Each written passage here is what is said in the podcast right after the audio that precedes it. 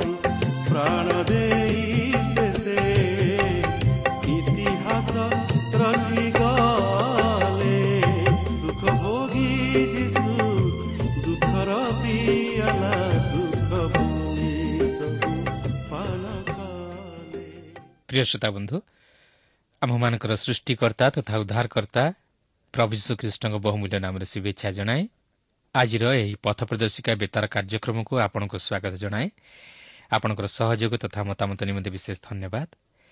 ଆପଣ ଏହି କାର୍ଯ୍ୟକ୍ରମର ଜଣେ ନିୟମିତ ଶ୍ରୋତା ଜାଣିବା ବିଶେଷ ଖୁସି। ପ୍ରଭୁ ଆପଣଙ୍କୁ ଆଶୀର୍ବାଦ କରନ୍ତୁ ଆହୁରି ଆହୁରି ଆତ୍ମିକ ଜୀବନରେ ବର୍ଦ୍ଧିଷ୍ଣୁ କରାନ୍ତୁ। ଆପଣଙ୍କର ପ୍ରାର୍ଥନାର ଅନୁରୋଧ ରକ୍ଷା କରି ଆମେ ମଧ୍ୟ ଆପଣଙ୍କ ନିମନ୍ତେ ପ୍ରାର୍ଥନା କରୁଅଛୁ। ଆଉ ସେହି ପ୍ରଭୁ ଯୀଶୁ ନିଶ୍ଚିତ ଭାବରେ ଆପଣଙ୍କର ଦୁଃଖ ଦୂର କରିବେ। ଆପଣଙ୍କର ସମସ୍ୟା ସେ ସମାଧାନ କରିବେ।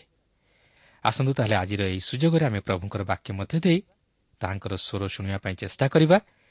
ଆଉ ସେହି ବାକ୍ୟ ଅନୁଯାୟୀ ତାଙ୍କଠାରେ ବିଶ୍ୱାସ କରି ତଦନୁଯାୟୀ ଜୀବନଯାପନ କରିବା ପାଇଁ ଚେଷ୍ଟା କରିବା।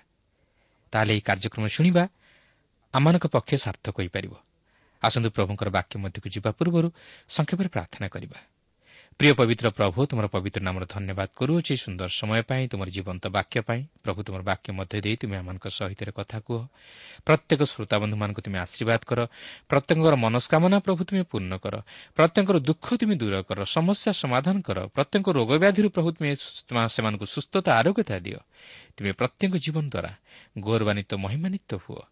ଏହି ସମସ୍ତ ପ୍ରାର୍ଥନା ପ୍ରିୟ ପ୍ରଭୁ ଯୀଶୁଙ୍କ ନାମରେ ମାଗୁଅଛୁ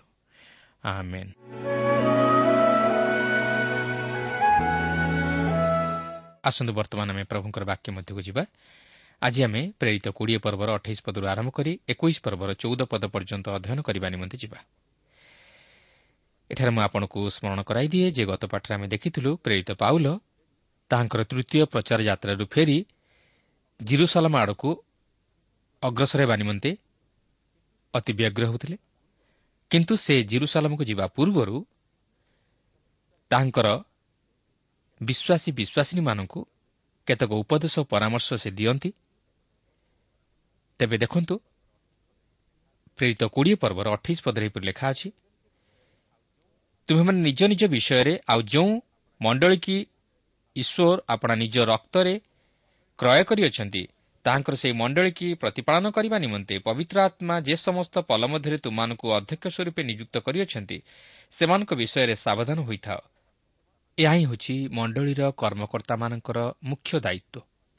ସେମାନେ ଯେ କେବଳ ମଣ୍ଡଳୀର ଦାୟିତ୍ୱ ବହନ କରିବେ ତାହା ନୁହେଁ ମାତ୍ର ମଣ୍ଡଳୀର ପ୍ରତ୍ୟେକ ବିଶ୍ୱାସୀ ଓ ବିଶ୍ୱାସୀମାନଙ୍କର ଆତ୍ମିକ ଜୀବନର ଅଭାବ ପ୍ରତି ମଧ୍ୟ ଦୃଷ୍ଟି ଦେବା ଉଚିତ ଓ ସେମାନଙ୍କୁ ଈଶ୍ୱରଙ୍କ ବାକ୍ୟ ଦେଇ ସେମାନଙ୍କର ଆତ୍ମିକ କ୍ଷୁଧା ନିବାରଣ କରିବା ସଙ୍ଗେ ସଙ୍ଗେ ନିଜେ ନିଜେ ମଧ୍ୟ ଆତ୍ମିକ ଜୀବନରେ ବଳିଷ୍ଠ ହେବା ଉଚିତ ଓ ମଣ୍ଡଳୀର ଆତ୍ମିକ ଜୀବନର ଅଭିବୃଦ୍ଧି ନିମନ୍ତେ ଦୃଷ୍ଟି ଦେବା ଉଚିତ। ତାହା ଏଠାରେ ପ୍ରେରିତ ପାଉଲ ସେହି ପ୍ରାଚୀନମାନଙ୍କୁ ଜଣାଇ ଦିଅନ୍ତି ଯେପରି ତାଙ୍କର ପ୍ରସ୍ଥାନ ପରେ ମଣ୍ଡଳୀ ଦୁର୍ବଳ ନ ହୁଏ ମାତ୍ର ଆତ୍ମିକ ଜୀବନରେ ସୁଦୃଢ଼ ଓ ଏକ ଶକ୍ତିଶାଳୀ ମଣ୍ଡଳୀ ରୂପେ ଛିଡ଼ା ହେବାକୁ ପାରେ। ଅଣତିରିଶ ଓ ତିରିଶ ପଦରେ ଏହିପରି ଲେଖା ଅଛି ମୋର ପ୍ରସ୍ଥାନ ପରେ ଦୁରନ୍ତ ବାଘଗୁଡ଼ାକ ଯେ ତୁମାନଙ୍କ ମଧ୍ୟରେ ପ୍ରବେଶ କରି ପଲ ପ୍ରତି ନିର୍ଦ୍ଦୟ ବ୍ୟବହାର କରିବେ ପୁଣି ତୁମାନଙ୍କ ମଧ୍ୟରୁ ସୁଦ୍ଧା ଲୋକେ ଉଠି ଶିଷ୍ୟମାନଙ୍କୁ ଆପଣାମାନଙ୍କ ପଛରେ ଟାଣିନେବା ନିମନ୍ତେ ବିପରୀତ କଥାଗୁଡ଼ାକ କହିବେ ଏହା ମୁଁ ଜାଣେ। ଦେଖନ୍ତୁ ପାଉଲ ଏଠାରେ ଅତି ସ୍ପଷ୍ଟ ଭାବରେ ସେମାନଙ୍କୁ ଜଣାଇ ଦିଅନ୍ତି ଯେ ତାହାଙ୍କ ପ୍ରସ୍ଥାନ ପରେ ଏହିପରି ଅନେକ ଭ୍ରାନ୍ତ ଶିକ୍ଷକମାନେ ଉଠିବେ ଯେଉଁମାନେ କି ଭ୍ରାନ୍ତ ଶିକ୍ଷା ପ୍ରଦାନ କରି ମଣ୍ଡଳୀ ମଧ୍ୟରେ ଦଳଭେଦ ଓ ମତଭେଦ ସୃଷ୍ଟି କରିବେ ଓ ଅନେକଙ୍କୁ ସେମାନଙ୍କ ବିଶ୍ୱାସ ମତରୁ ଓହରାଇ ଆଣି ସେମାନଙ୍କ ପଛରେ ଟାଣିନେବେ ଫଳରେ ମଣ୍ଡଳୀ ଛିନ୍ନଭିନ୍ନ ହୋଇଯିବ। ଏହା ଘଟିବ ବୋଲି ପାଉଲ ତାହା ଜାଣି ପୂର୍ବରୁ ସେମାନଙ୍କୁ ସତର୍କ କରାଇ ଦିଅନ୍ତି। ପ୍ରିୟ ବନ୍ଧୁ ଏହା ହେଉଛି ଶୟତାନର କାର୍ଯ୍ୟ ଯେ ସଦାବେଳେ ଈଶ୍ୱରଙ୍କ ଲୋକମାନଙ୍କର ଓ ତାହାଙ୍କ ବାକ୍ୟର ବିରୁଦ୍ଧରେ ଯାଇ ଲୋକମାନଙ୍କୁ ଈଶ୍ୱରଙ୍କ ବାକ୍ୟ ଶୁଣିବାରୁ ବଞ୍ଚିତ କରେ। ସେ ଚାହେଁ ନାହିଁ ଲୋକମାନେ ଈଶ୍ୱରଙ୍କ ବାକ୍ୟ ଶୁଣନ୍ତୁ। ତେଣୁକରି ସେ ବିଭିନ୍ନ ପ୍ରକାର ପ୍ରତିବନ୍ଧକ ସୃଷ୍ଟି କରେ ଯେପରି ଲୋକମାନେ ଈଶ୍ୱରଙ୍କ ବାକ୍ୟ ଶୁଣିବାରୁ ବଞ୍ଚିତ ହୁଅନ୍ତି। କେବଳ ମଣ୍ଡଳୀ ମଧ୍ୟରେ ନୁହେଁ ମାତ୍ର ପ୍ରତ୍ୟେକ କ୍ଷେତ୍ରରେ ଏପରିକି ଏହି ରେଡିଓ ମାଧ୍ୟମରେ ଯେପରି ଈଶ୍ୱରଙ୍କ ବାକ୍ୟ ପ୍ରଚାରିତ ନ ହୁଏ ଏଥିନିମନ୍ତେ ମଧ୍ୟ ପ୍ରତିବନ୍ଧକ ସୃଷ୍ଟି କରେ। ଏଥିପାଇଁ ଅନେକ ସମୟରେ ଲୋକମାନେ ସ୍ପଷ୍ଟ ଭାବେ ରେଡିଓ ଯୋଗେ ପ୍ରଭୁଙ୍କର ବାକ୍ୟ ଶୁଣିପାରନ୍ତି ନାହିଁ କିମ୍ବା ଶୁଣିବାକୁ ଚାହିଁଲେ ମଧ୍ୟ ଶୟତାନ ସେମାନଙ୍କୁ ସୁଯୋଗ ଦିଏ ନାହିଁ। ଆପଣ ନିଜେ ମଧ୍ୟ ତାହା ଅନେକ ସମୟରେ ଅନୁଭବ କରିଥିବେ। ତେଣୁ ଆମେ ଯେତେ ଅଧିକ ଈଶ୍ୱରଙ୍କ ବାକ୍ୟ ଶୁଣିବାରେ ସମୟ ଦେବା ଆମେ ସେତେ ଅଧିକ ଈଶ୍ୱରଙ୍କ ବିଷୟରେ ଜାଣିବା ସଙ୍ଗେ ସଙ୍ଗେ ତାହାଙ୍କର ଅଭିମତକୁ ବୁଝିବା ନିମନ୍ତେ ଓ ସେହି ବାକ୍ୟର ସତ୍ୟାସତ୍ୟକୁ ଜାଣିବା ନିମନ୍ତେ ସମର୍ଥ ହୋଇପାରିବା। ଏବଂ ଶୟତାନର ସମସ୍ତ ପ୍ରକାର ଚକ୍ରାନ୍ତ ଉପରେ ଜୟଯୁକ୍ତ ହେବା ନିମନ୍ତେ ଆମମାନେ ସମର୍ଥ ହୋଇପାରିବା ଯଦ୍ୱାରା ଶୈତାନର ଭ୍ରାନ୍ତ ଶିକ୍ଷାରେ ବା ପ୍ରଲୋଭନରେ ପରିଚାଳିତ ନ ହୋଇ ଏହି ଜଗତରେ ଏକ ବିଜୟୀ ଜୀବନ ଯାପନ କରିବା ନିମନ୍ତେ ସମର୍ଥ ହୋଇପାରିବା ଏକତିରିଶ ଓ ବତିଶ ପଦରେ ଏହିପରି ଲେଖା ଅଛି ଅତଏବ ତୁମେମାନେ ଜାଗି ରୁହ ଆଉ ମୁଁ ତିନି ବର୍ଷ ପର୍ଯ୍ୟନ୍ତ ଦିବାରାତ୍ର ଅଶ୍ରୁପାତ ସହିତ ପ୍ରତ୍ୟେକ ଜଣଙ୍କୁ ଚେତନା ଦେବାକୁ ଯେ କ୍ଷାନ୍ତ ହୋଇନଥିଲି ଏହା ସ୍ମରଣ କର। ଏବଂ ମୁଁ ତୁମମାନଙ୍କୁ ପ୍ରଭୁଙ୍କଠାରେ ଓ ତାହାଙ୍କ ଅନୁଗ୍ରହର ବାକ୍ୟ ନିକଟରେ ସମର୍ପଣ କରୁଅଛି। ସେ ତୁମମାନଙ୍କୁ ନିଷ୍ଠାବାନ କରିବା ନିମନ୍ତେ ଓ ପବିତ୍ରକୃତ ସମସ୍ତଙ୍କ ମଧ୍ୟରେ ଅଧିକାର ଦେବା ନିମନ୍ତେ ସମର୍ଥ ଅଟନ୍ତି। ପାଉଲ ସେମାନଙ୍କୁ ଈଶ୍ୱରଙ୍କଠାରେ ଓ ତାହାଙ୍କ ଅନୁଗ୍ରହର ବାକ୍ୟ ନିକଟରେ ସମର୍ପିତ କରାନ୍ତି। ତାହା ହିଁ କେବଳ ଆମେ ନିଜର ଲୋକମାନଙ୍କୁ ପରିତ୍ୟାଗ କରିବା ସମୟରେ କରିପାରିବା। ତେତିଶ ଓ ଚଉତିରିଶ ପଦରେ ଲେଖା ଅଛି ମୁଁ କାହାରି ରୂପା କି ସୁନା କି ବସ୍ତ୍ର ଲୋଭ କରିନଥିଲି ଏହି ହାତ ଦୁଇଟି ଯେ ମୋର ଓ ମୋ ସଙ୍ଗୀମାନଙ୍କର ଅଭାବ ପୂରଣ ନିମନ୍ତେ ସେବା କରି ଆସୁଅଛି ଏହା ତୁମମାନେ ନିଜେ ଜାଣ। ପାଉଲ ଟଙ୍କା ନିମନ୍ତେ ବା ଅନ୍ୟମାନଙ୍କଠାରୁ କିଛି ପାଇବା ନିମନ୍ତେ ଲାଳାୟିତ ନଥିଲେ ମାତ୍ର ସେ ନିଜେ ନିଜ ହସ୍ତରେ କର୍ମ କରି ନିଜକୁ ପ୍ରତିପୋଷଣ କରିବା ସଙ୍ଗେ ସଙ୍ଗେ ତାହାଙ୍କ ସହକର୍ମୀମାନଙ୍କର ଅଭାବ ପୂରଣ କରୁଥିଲେ ଓ ସେମାନଙ୍କୁ ସାହାଯ୍ୟ କରୁଥିଲେ। ପଞ୍ଚତିରିଶରୁ ଅଠତିରିଶ ପଦରେ ଲେଖା ଅଛି ଏହି ପ୍ରକାରେ ପରିଶ୍ରମ କରି ଦୁର୍ବଳମାନଙ୍କୁ ସାହାଯ୍ୟ କରିବା ପୁଣି ଗ୍ରହଣ କରିବା ଅପେକ୍ଷା ଦାନ କରିବା ଅଧିକ ଶ୍ରେୟସ୍କର। ପ୍ରଭୁ ଯୀଶୁ ସ୍ୱୟଂ ଏହି ଯେଉଁ କଥା କହିଅଛନ୍ତି ତାହା ସ୍ମରଣ କରିବା ତୁମମାନଙ୍କର ଯେ ଉଚିତ ଏହି ସମସ୍ତ ବିଷୟରେ ମୁଁ ତୁମମାନଙ୍କୁ ଦୃଷ୍ଟାନ୍ତ ଦେଖାଇଅଛି। ଏହିସବୁ କଥା କହି ସେ ଜାନୁପାତ କରି ସେ ସମସ୍ତଙ୍କ ସହିତ ପ୍ରାର୍ଥନା କଲେ। ଆଉ ସେମାନେ ସମସ୍ତେ ଅତ୍ୟନ୍ତ ରୋଦନ କରି ପାଉଲଙ୍କ ଗଳା ଧରି ତାଙ୍କୁ ଚୁମ୍ବନ କରିବାକୁ ଲାଗିଲେ। ପୁଣି ସେମାନେ ତାଙ୍କ ମୁଖ ଆଉ ଦେଖିବେ ନାହିଁ ବୋଲି ସେ ଯେଉଁ କଥା କହିଥିଲେ ବିଶେଷ ରୂପେ ସେଥିପାଇଁ ଦୁଃଖ କଲେ। ପରେ ସେମାନେ ତାଙ୍କୁ ଜାହାଜ ପର୍ଯ୍ୟନ୍ତ ଘେନିଗଲେ। ବାସ୍ତବରେ ସେହି ଏଫିସ ମଣ୍ଡଳୀର ପ୍ରାଚୀନମାନଙ୍କ ସହିତ ପାଉଲଙ୍କର ଏହି ମିଳନ ଥିଲା ଶେଷ ମିଳନ। ଏହି ଲୋକମାନେ ପାଉଲଙ୍କୁ ଅତି ଭଲ ପାଉଥିଲେ ଓ ପାଉଲ ମଧ୍ୟ ସେମାନଙ୍କୁ ଅତି ଭଲ ପାଉଥିଲେ। ତେବେ ସେମାନେ ଯେ ତାହାଙ୍କୁ ଆଉ ଦେଖିବେ ନାହିଁ ତାହା ଜାଣିବା ପରେ ପାଉଲଙ୍କୁ ଛାଡ଼ିବା ସେମାନଙ୍କ ନିମନ୍ତେ ଅତି କଷ୍ଟକର ଓ ଦୁଃଖପୂର୍ଣ୍ଣ ଥିଲା। ଯାହା ଜଣାଯାଏ ସେମାନେ ଅତି କଷ୍ଟରେ ଓ ଦୁଃଖର ସହିତ ତାହାଙ୍କୁ ବିଦାୟ ସମ୍ବର୍ଦ୍ଧନା ଜ୍ଞାପନ କଲେ। ଏଥିରୁ ଆପଣ ଅନୁମାନ କରିପାରୁଥିବେ ପାଉଲ ସେମାନଙ୍କ ସହିତ କେତେ ଦୂର ଘନିଷ୍ଠ ସମ୍ପର୍କ ସ୍ଥାପନ କରିଥିଲେ ଓ ସେମାନଙ୍କର ଆତ୍ମିକ ଜୀବନର ଅଭିବୃଦ୍ଧି ନିମନ୍ତେ ଚିନ୍ତିତ ଥିଲେ। କେବଳ ସେତିକି ନୁହେଁ ସେ ସେମାନଙ୍କ ନିକଟରେ ମଧ୍ୟ ଏକ ଆଦର୍ଶ ହୋଇପାରିଥିଲେ ଓ ସେହି ଆଦର୍ଶରେ ଚାଲିବା ନିମନ୍ତେ ସେମାନଙ୍କୁ ମଧ୍ୟ ଶିକ୍ଷା ଦେଇଥିଲେ। ଆଜି କ'ଣ ଆମେ ପାଉଲଙ୍କର ଆଦର୍ଶକୁ ଅନୁକରଣ କରୁ କି? ଯଦି ଆମେ ତାହାଙ୍କ ଆଦର୍ଶକୁ ଅନୁକରଣ କରିବା ତାହେଲେ ଆମେ ମଧ୍ୟ ଖ୍ରୀଷ୍ଟଙ୍କର ଏକ ଏକ ସେବକ ଭାବେ ଖ୍ରୀଷ୍ଟଙ୍କର ମହତ ଅଭିମତକୁ ସଫଳ କରିପାରିବା ଓ ଅନେକଙ୍କୁ ଖ୍ରୀଷ୍ଟଙ୍କ ନିକଟବର୍ତ୍ତୀ କରାଇପାରିବା ପାଉଲ ସେମାନଙ୍କଠାରୁ ବିଦାୟ ଘେନି କିପରି ଜିରୁସାଲାମକୁ ଆସିଲେ ତାହା ବର୍ତ୍ତମାନ ଆମେ ଅଧ୍ୟୟନ କରି ଆଲୋଚନା କରିବାକୁ ଯିବା। ଏହି ଏକୋଇଶ ପର୍ବରେ ଆମେ ଦେଖିବାକୁ ଯିବା ଯେ ପାଉଲ କିପରି ଜିରୁସାଲାମକୁ ଗଲେ ଓ ସେଠାରେ ସେ ଧରାଗଲେ। ପାଉଲ ତିନୋଟି ପ୍ରଚାର ଯାତ୍ରା କରିଥିଲେ କିନ୍ତୁ ବର୍ତ୍ତମାନ ସେ ଫେରିଆସୁଛନ୍ତି ଜିରୁସାଲମକୁ। ସେ ବିଜୟର ସହିତ ଫେରିଆସୁଅଛନ୍ତି କିନ୍ତୁ ଏଥିସହିତ ସେ ମଧ୍ୟ ସତର୍କ ବାଣୀ ଶୁଣି ଆସୁଅଛନ୍ତି ଯେ ସେହି ଜିରୁସାଲାମରେ ତାହାଙ୍କ ନିମନ୍ତେ ବନ୍ଧନ ଓ କ୍ଲେଶ ରହିଅଛି। ସେ ଜାଣନ୍ତି ଯେ ସେହି ଜିରୁସାଲାମରେ ତାହାଙ୍କ ନିମନ୍ତେ ସମସ୍ୟା ଅପେକ୍ଷା କରି ରହିଅଛି। ତଥାପି ସେ ଭୟ କରୁନାହାନ୍ତି। ମାତ୍ର ପ୍ରଭୁଙ୍କର ମହତ ଅଭିମତକୁ ସଫଳ କରିବା ନିମନ୍ତେ ଆଗେଇ ଯାଉଛନ୍ତି। ସେ ବର୍ତ୍ତମାନ ସେହି ଜିରୁସାଲମ ଅଭିମୁଖେ ତାହାଙ୍କ ଜଳଯାତ୍ରା ଆରମ୍ଭ କରୁଅଛନ୍ତି। ଏକୋଇଶ ପର୍ବର ପ୍ରଥମ ଦୁଇ ପଦରେ ଏହିପରି ଲେଖା ଅଛି ସେମାନଙ୍କଠାରୁ ବିଦାୟ ଘେନି ଆମମାନେ ଜାହାଜରେ ଚଢ଼ି ସିଧା ବାଟରେ କୋସ୍କୁ ଆସିଲୁ। ପରଦିନ ରୋଦାକୁ ପୁଣି ସେ ସ୍ଥାନରୁ ପାତାରାକୁ ଆସିଲୁ। ସେଠାରେ ଫୈନିକିଆକୁ ପାର ହୋଇ ଯାଉଥିବା ଗୋଟିଏ ଜାହାଜ ପାଇ ଆମମାନେ ସେଥିରେ ଚଢ଼ି ଯାତ୍ରା କଲୁ। ଏଥିରୁ ଆପଣ ଜାଣିପାରୁଥିବେ ଯେ ଲୋକ ଏପର୍ଯ୍ୟନ୍ତ ପାଉଲଙ୍କ ସଙ୍ଗରେ ଅଛନ୍ତି ଓ ସେ ଏବଂ ଆଉ କେତେକ ଜଣ ପାଉଲଙ୍କ ସଙ୍ଗେ ଯାତ୍ରା କରୁଅଛନ୍ତି। ସେମାନେ ମିଲିତରୁ ପାତାରାକୁ ଆସୁଛନ୍ତି ଓ ସେଠାରୁ ସେମାନେ ଆଉ ଏକ ଜାହାଜରେ ଚଢ଼ି ସ୍ୱରକୁ ଆସୁଛନ୍ତି ଯାହାକି କାଇସରିଆର ଉତ୍ତର ପାଖ ସମୁଦ୍ର କୂଳରେ ଅବସ୍ଥିତ। ଯାହାକୁ ବର୍ତ୍ତମାନ ଲେବାନନ ବୋଲି କୁହାଯାଏ। ତିନି ପଦରେ ଲେଖା ଅଛି ପରେ କୁପ୍ର ଦୃଷ୍ଟିଗୋଚର ହୁଅନ୍ତେ ତାହା ବାମ ପାଖରେ ଛାଡ଼ି ଆମମାନେ ସୁରିଆକୁ ଯାତ୍ରା କରି ସ୍ୱରରେ ଉପସ୍ଥିତ ହେଲୁ କାରଣ ସେଠାରେ ଜାହାଜରୁ ମାଲପତ୍ର ଖଲାସ କରିବାର ଥିଲା। ସେମାନେ ଆସୁଥିବା ପଥରେ କୁପ୍ର ଦୃଷ୍ଟିଗୋଚର ହେଲା। କିନ୍ତୁ ସେମାନେ ସେଠାରେ ରହିଲେ ନାହିଁ ମାତ୍ର ସେଠାରୁ ସେମାନେ ବାହାରି ଯାତ୍ରା କରି ସ୍ୱରରେ ଆସି ପହଞ୍ଚିଲେ ଯାହାକି ପ୍ରାଚୀନ କାଳରୁ ଏକ ମହାନ ବାଣିଜ୍ୟ କେନ୍ଦ୍ର ରୂପେ ପ୍ରତିଷ୍ଠା ଲାଭ କରିଥିଲା। ଏଇଠାରେ ମଧ୍ୟ ଜାହାଜରୁ ମାଲପତ୍ର ଖଲାସ କରାଯାଉଥିଲା। ଚାରିପଦରେ ଲେଖା ଅଛି ଶିଷ୍ୟମାନଙ୍କୁ ଖୋଜି ସେମାନଙ୍କ ସାକ୍ଷାତ ପାଇ ସାତ ଦିନ ସେଠାରେ ରହିଲୁ। ପୁଣି ପାଉଲ ଯେପରି ଜିରୁସାଲମରେ ପଦାର୍ପଣ ନ କରନ୍ତି ଏଥିପାଇଁ ସେମାନେ ଆତ୍ମାଙ୍କ ଦ୍ୱାରା ତାଙ୍କୁ କହିଲେ।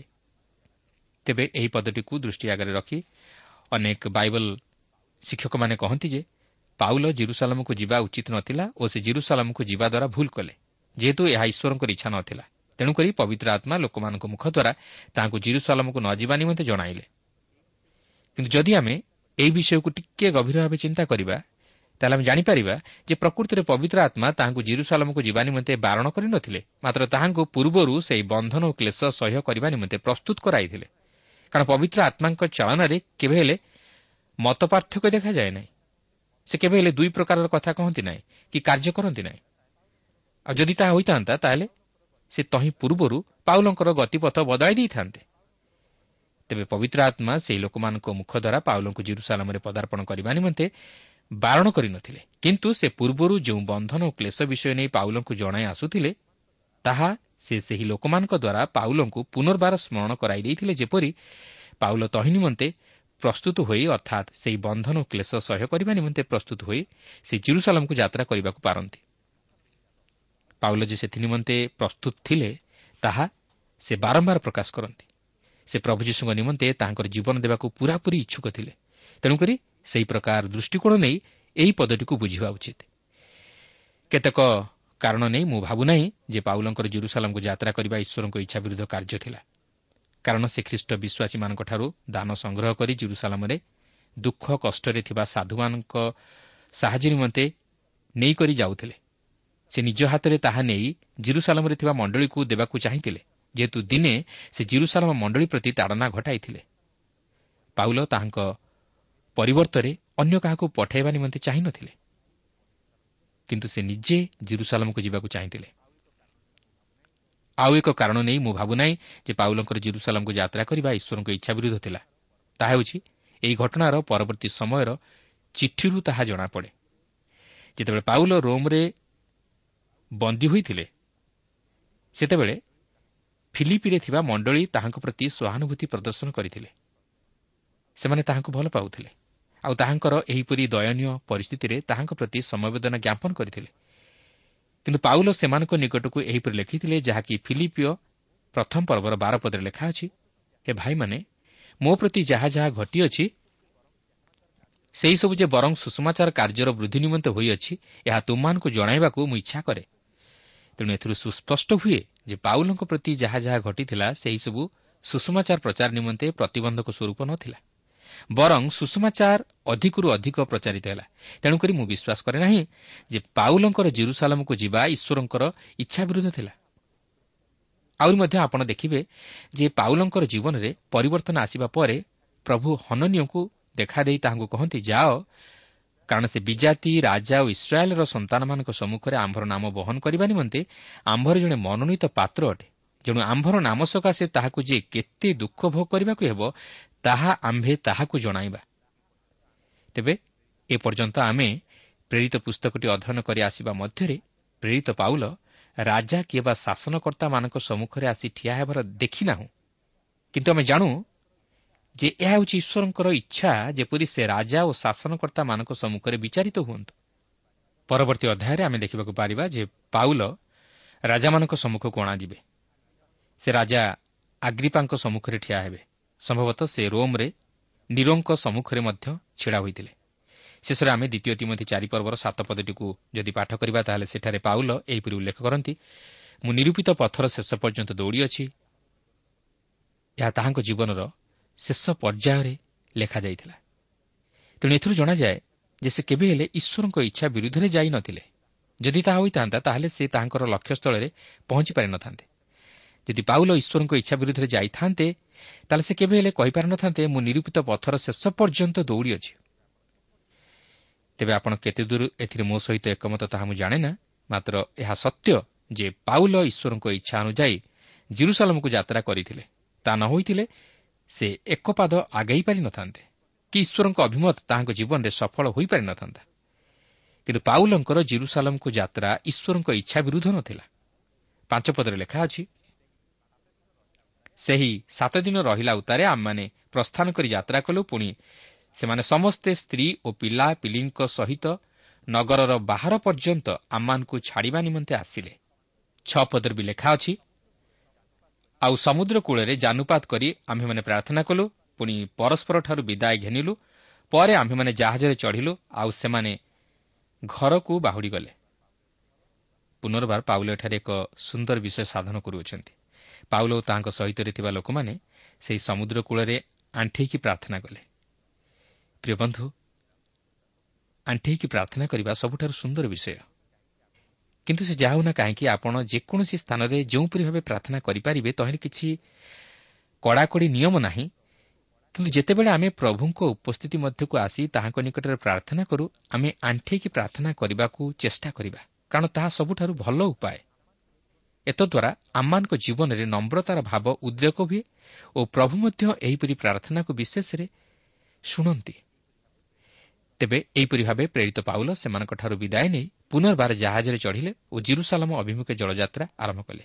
ସାତ ପଦରେ ଲେଖା ଅଛି ଆମ୍ଭେମାନେ ସ୍ୱରରୁ ଜଳଯାତ୍ରା ଶେଷ କରି ପତଲ ମାଇରେ ପହଞ୍ଚିଲୁ ଓ ଭାଇମାନଙ୍କୁ ନମସ୍କାର କରି ଗୋଟିଏ ଦିନ ସେମାନଙ୍କ ସହିତ ରହିଲୁ।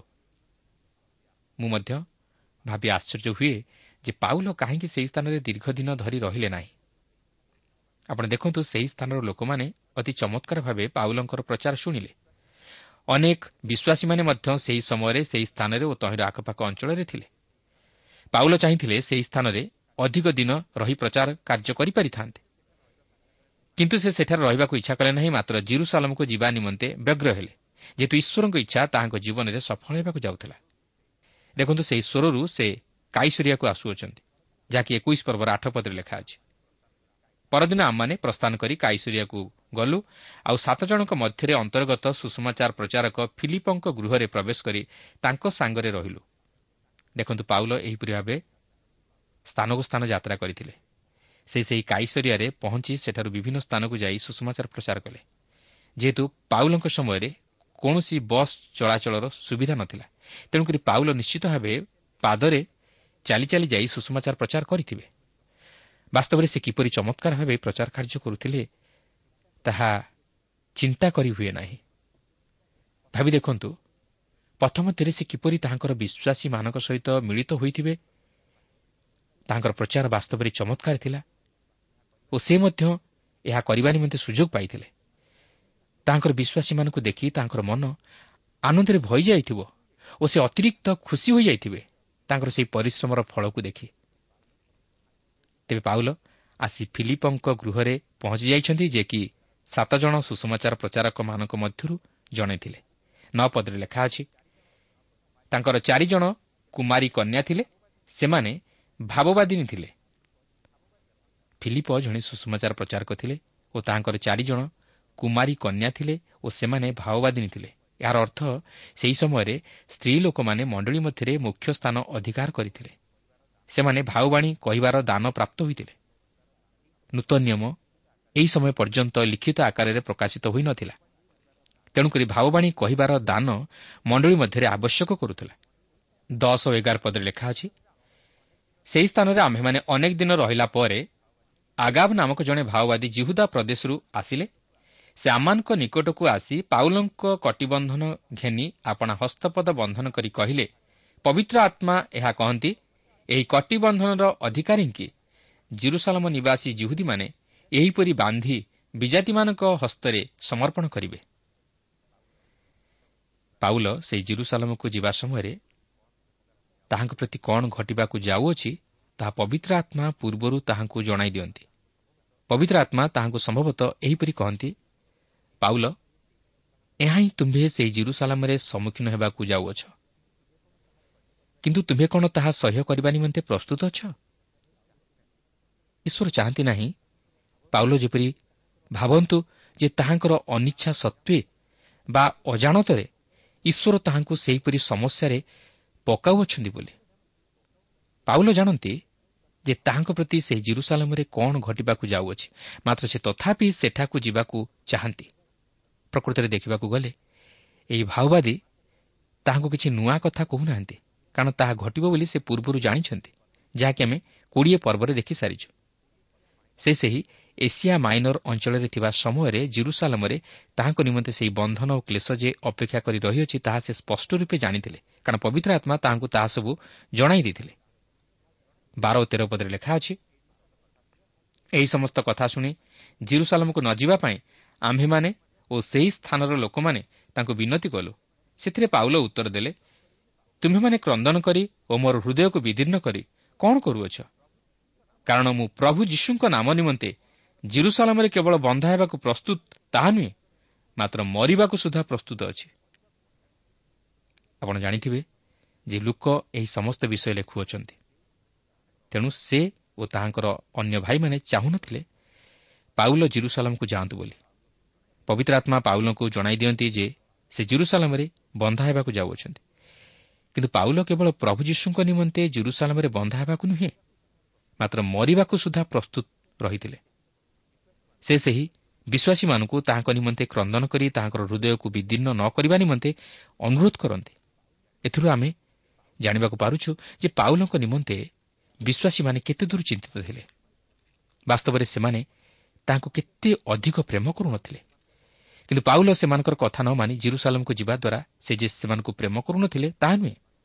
ମାତ୍ର ସେ ସେମାନଙ୍କୁ ପ୍ରେମ କରିବା ସଙ୍ଗେ ସଙ୍ଗେ ଖ୍ରୀଷ୍ଟଙ୍କୁ ଅଧିକ ପ୍ରେମ କରୁଥିଲେ ତେଣୁକରି ସେ ଖ୍ରୀଷ୍ଟଙ୍କ ନିମନ୍ତେ ମରିବାକୁ ମଧ୍ୟ ପ୍ରସ୍ତୁତ ଥିଲେ। ଚଉଦ ପଦରେ ଲେଖା ଅଛି ସେ ନ ମାନିବାରୁ ଆମ୍ଭେମାନେ କ୍ଷାନ୍ତ ହୋଇ କହିଲୁ ପ୍ରଭୁଙ୍କର ଇଚ୍ଛା ସଫଳ ହେଉ। ବାସ୍ତବରେ ଏହା ହିଁ ଥିଲା ପ୍ରଭୁଙ୍କର ଇଚ୍ଛା ଓ ତାହା ମଧ୍ୟ ସଫଳ ହେଲା ଯାହାକି ଆମେ ପରେ ଦେଖିବାକୁ ପାରିବା। କିନ୍ତୁ ପ୍ରିୟ ବନ୍ଧୁ ଏଠାରେ ଖ୍ରୀଷ୍ଟଙ୍କ ସେବା କରିବା ଓ ତାହାଙ୍କୁ ପ୍ରେମ କରିବା ନେଇ ପାଉଲଙ୍କ ଜୀବନ ଦ୍ୱାରା ଆମେ ଏକ ମହାନ ଶିକ୍ଷା ପାଉଅଛୁ। ପାଉଲ ଖ୍ରୀଷ୍ଟଙ୍କୁ ପ୍ରେମ କରିବା ହେତୁ ସେ ତାହାଙ୍କ ନିମନ୍ତେ ମରିବାକୁ ମଧ୍ୟ ପଛଘୁଞ୍ଚା ଦେଇନଥିଲେ ସେଥିପାଇଁ ସେ ନିଜେ କହନ୍ତି ମୋ ନିମନ୍ତେ ଜୀବନ ଧାରଣ ଖ୍ରୀଷ୍ଟ ଓ ମୃତ୍ୟୁଭୋଗ ଲାଭଜନକ। ଖ୍ରୀଷ୍ଟଙ୍କ ନିମନ୍ତେ ମୃତ୍ୟୁଭୋଗ କରିବା ଯେ ଶ୍ରେୟସ୍କର ଏହା ପାଉଲ ଜାଣିଥିଲେ। ଯେହେତୁ ସେହି ଖ୍ରୀଷ୍ଟଙ୍କଠାରେ ହିଁ ଜୀବନ ଅଛି। ପ୍ରିୟ ବନ୍ଧୁ ଆଜି ଆମେ ବଞ୍ଚିବା ନିମନ୍ତେ କାହା ପଛରେ ଧାଇଁଛୁ? ଆମେ କାହାର ସେବା କରୁଛୁ? ଆମେ କାହାକୁ ଅଧିକ ପ୍ରେମ କରୁଛୁ? କିନ୍ତୁ ଏହା ଯଦି ଖ୍ରୀଷ୍ଟଙ୍କ ବ୍ୟତୀତ ଅନ୍ୟ କିଛି ହୋଇଥାଏ ତାହେଲେ ଆମେ ସେହି ମୃତ୍ୟୁର ପଥରେ ଧାଉଁଛୁ। ଆମେ ଜୀବନ ଦେଖିବା ନାହିଁ। ମାତ୍ର ଅନନ୍ତ ନରକରେ ପତିତ ହେବା। ତେଣୁ ଆସୁ। ଆମେ ମଧ୍ୟ ପାଉଲଙ୍କ ପରି କହୁ ମୁଁ ଖ୍ରୀଷ୍ଟଙ୍କ ସହିତ କୃଷରେ ହତ ହୋଇଅଛି। ମୁଁ ଆଉ ମୁଁ ନୁହେଁ ମାତ୍ର ଖ୍ରୀଷ୍ଟ ମୋଠାରେ ଜୀବିତ ଅଟନ୍ତି। ତେଣୁ ମୋ ନିମନ୍ତେ ଜୀବନ ଧାରଣ ଖ୍ରୀଷ୍ଟ ମାତ୍ର ମୃତ୍ୟୁଭୋଗ ଲାଭଜନକ। ପ୍ରିୟ ବନ୍ଧୁ ଆଜି କ'ଣ ଆମେ ପାଉଲଙ୍କ ସହିତ ସୁର ମିଳେଇ ଏହିପରି କହିପାରିବା? ମୋ ନିମନ୍ତେ ଜୀବନ ଧାରଣ ଖ୍ରୀଷ୍ଟ ମାତ୍ର ମୃତ୍ୟୁଭୋଗ ଲାଭଜନକ।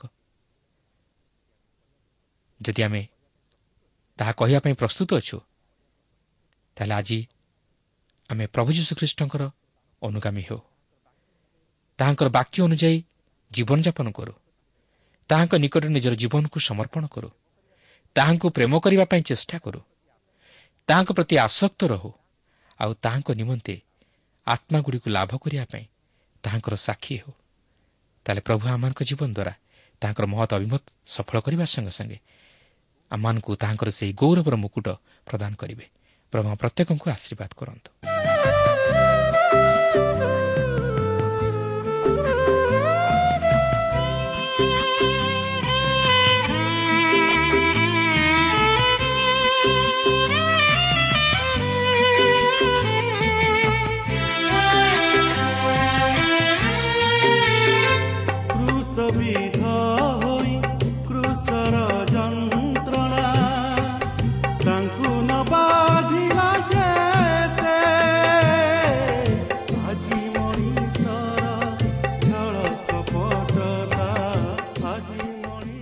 ଶ୍ରୋତା ଆପଣ ଈଶ୍ୱରଙ୍କ ବାକ୍ୟ ଶୁଣିବା ନିମନ୍ତେ ସମୟ ଦେଇଥିବାରୁ ଆମେ ଧନ୍ୟବାଦୀ। ଆପଣ ଯଦି ପ୍ରଭୁ ଯୀଶୁଙ୍କର ବାକ୍ୟ ବିଷୟରେ ଓ ତାହାଙ୍କର ପ୍ରେମ ବିଷୟରେ ଅଧିକ ଜାଣିବାକୁ ଚାହାନ୍ତି ଯାହାକି ଆପଣଙ୍କୁ ପାପରୁ ଉଦ୍ଧାର ପାଇବା ନିମନ୍ତେ ପଥ ଦେଖାଇବ ତାହେଲେ ଆମ ସହିତ ପତ୍ର ମାଧ୍ୟମରେ ଅଥବା ଟେଲିଫୋନ୍ ଯୋଗେ ଯୋଗାଯୋଗ କରନ୍ତୁ। ଆମର ଠିକଣା ପଥ ପ୍ରଦର୍ଶିକା trans world radio India post box number ତିନି ତିନି ଭୁବନେଶ୍ୱର ସାତ ପାଞ୍ଚ ଏକ ଶୂନ ଶୂନ ଏକ mobile number nine seven double seven double two one four one five ଠିକଣାଟି ଆଉଥରେ ଶୁଣନ୍ତୁ ପଥ ପ୍ରଦର୍ଶିକା trans world radio India post box number three three Bhubaneswar seven five one zero zero one mobile number nine seven double seven double two one four one five ଆମର email ଆଡ୍ରେସଟି ଲେଖି ରଖନ୍ତୁ Odia TV at radio eight eight two dot com ତେବେ ଆଜି ପାଇଁ ଏଠାରେ ରଖୁଛୁ ପ୍ରଭୁ ଯୀଶୁ ଆପଣଙ୍କୁ ଆଶୀର୍ବାଦ କରନ୍ତୁ ନମସ୍କାର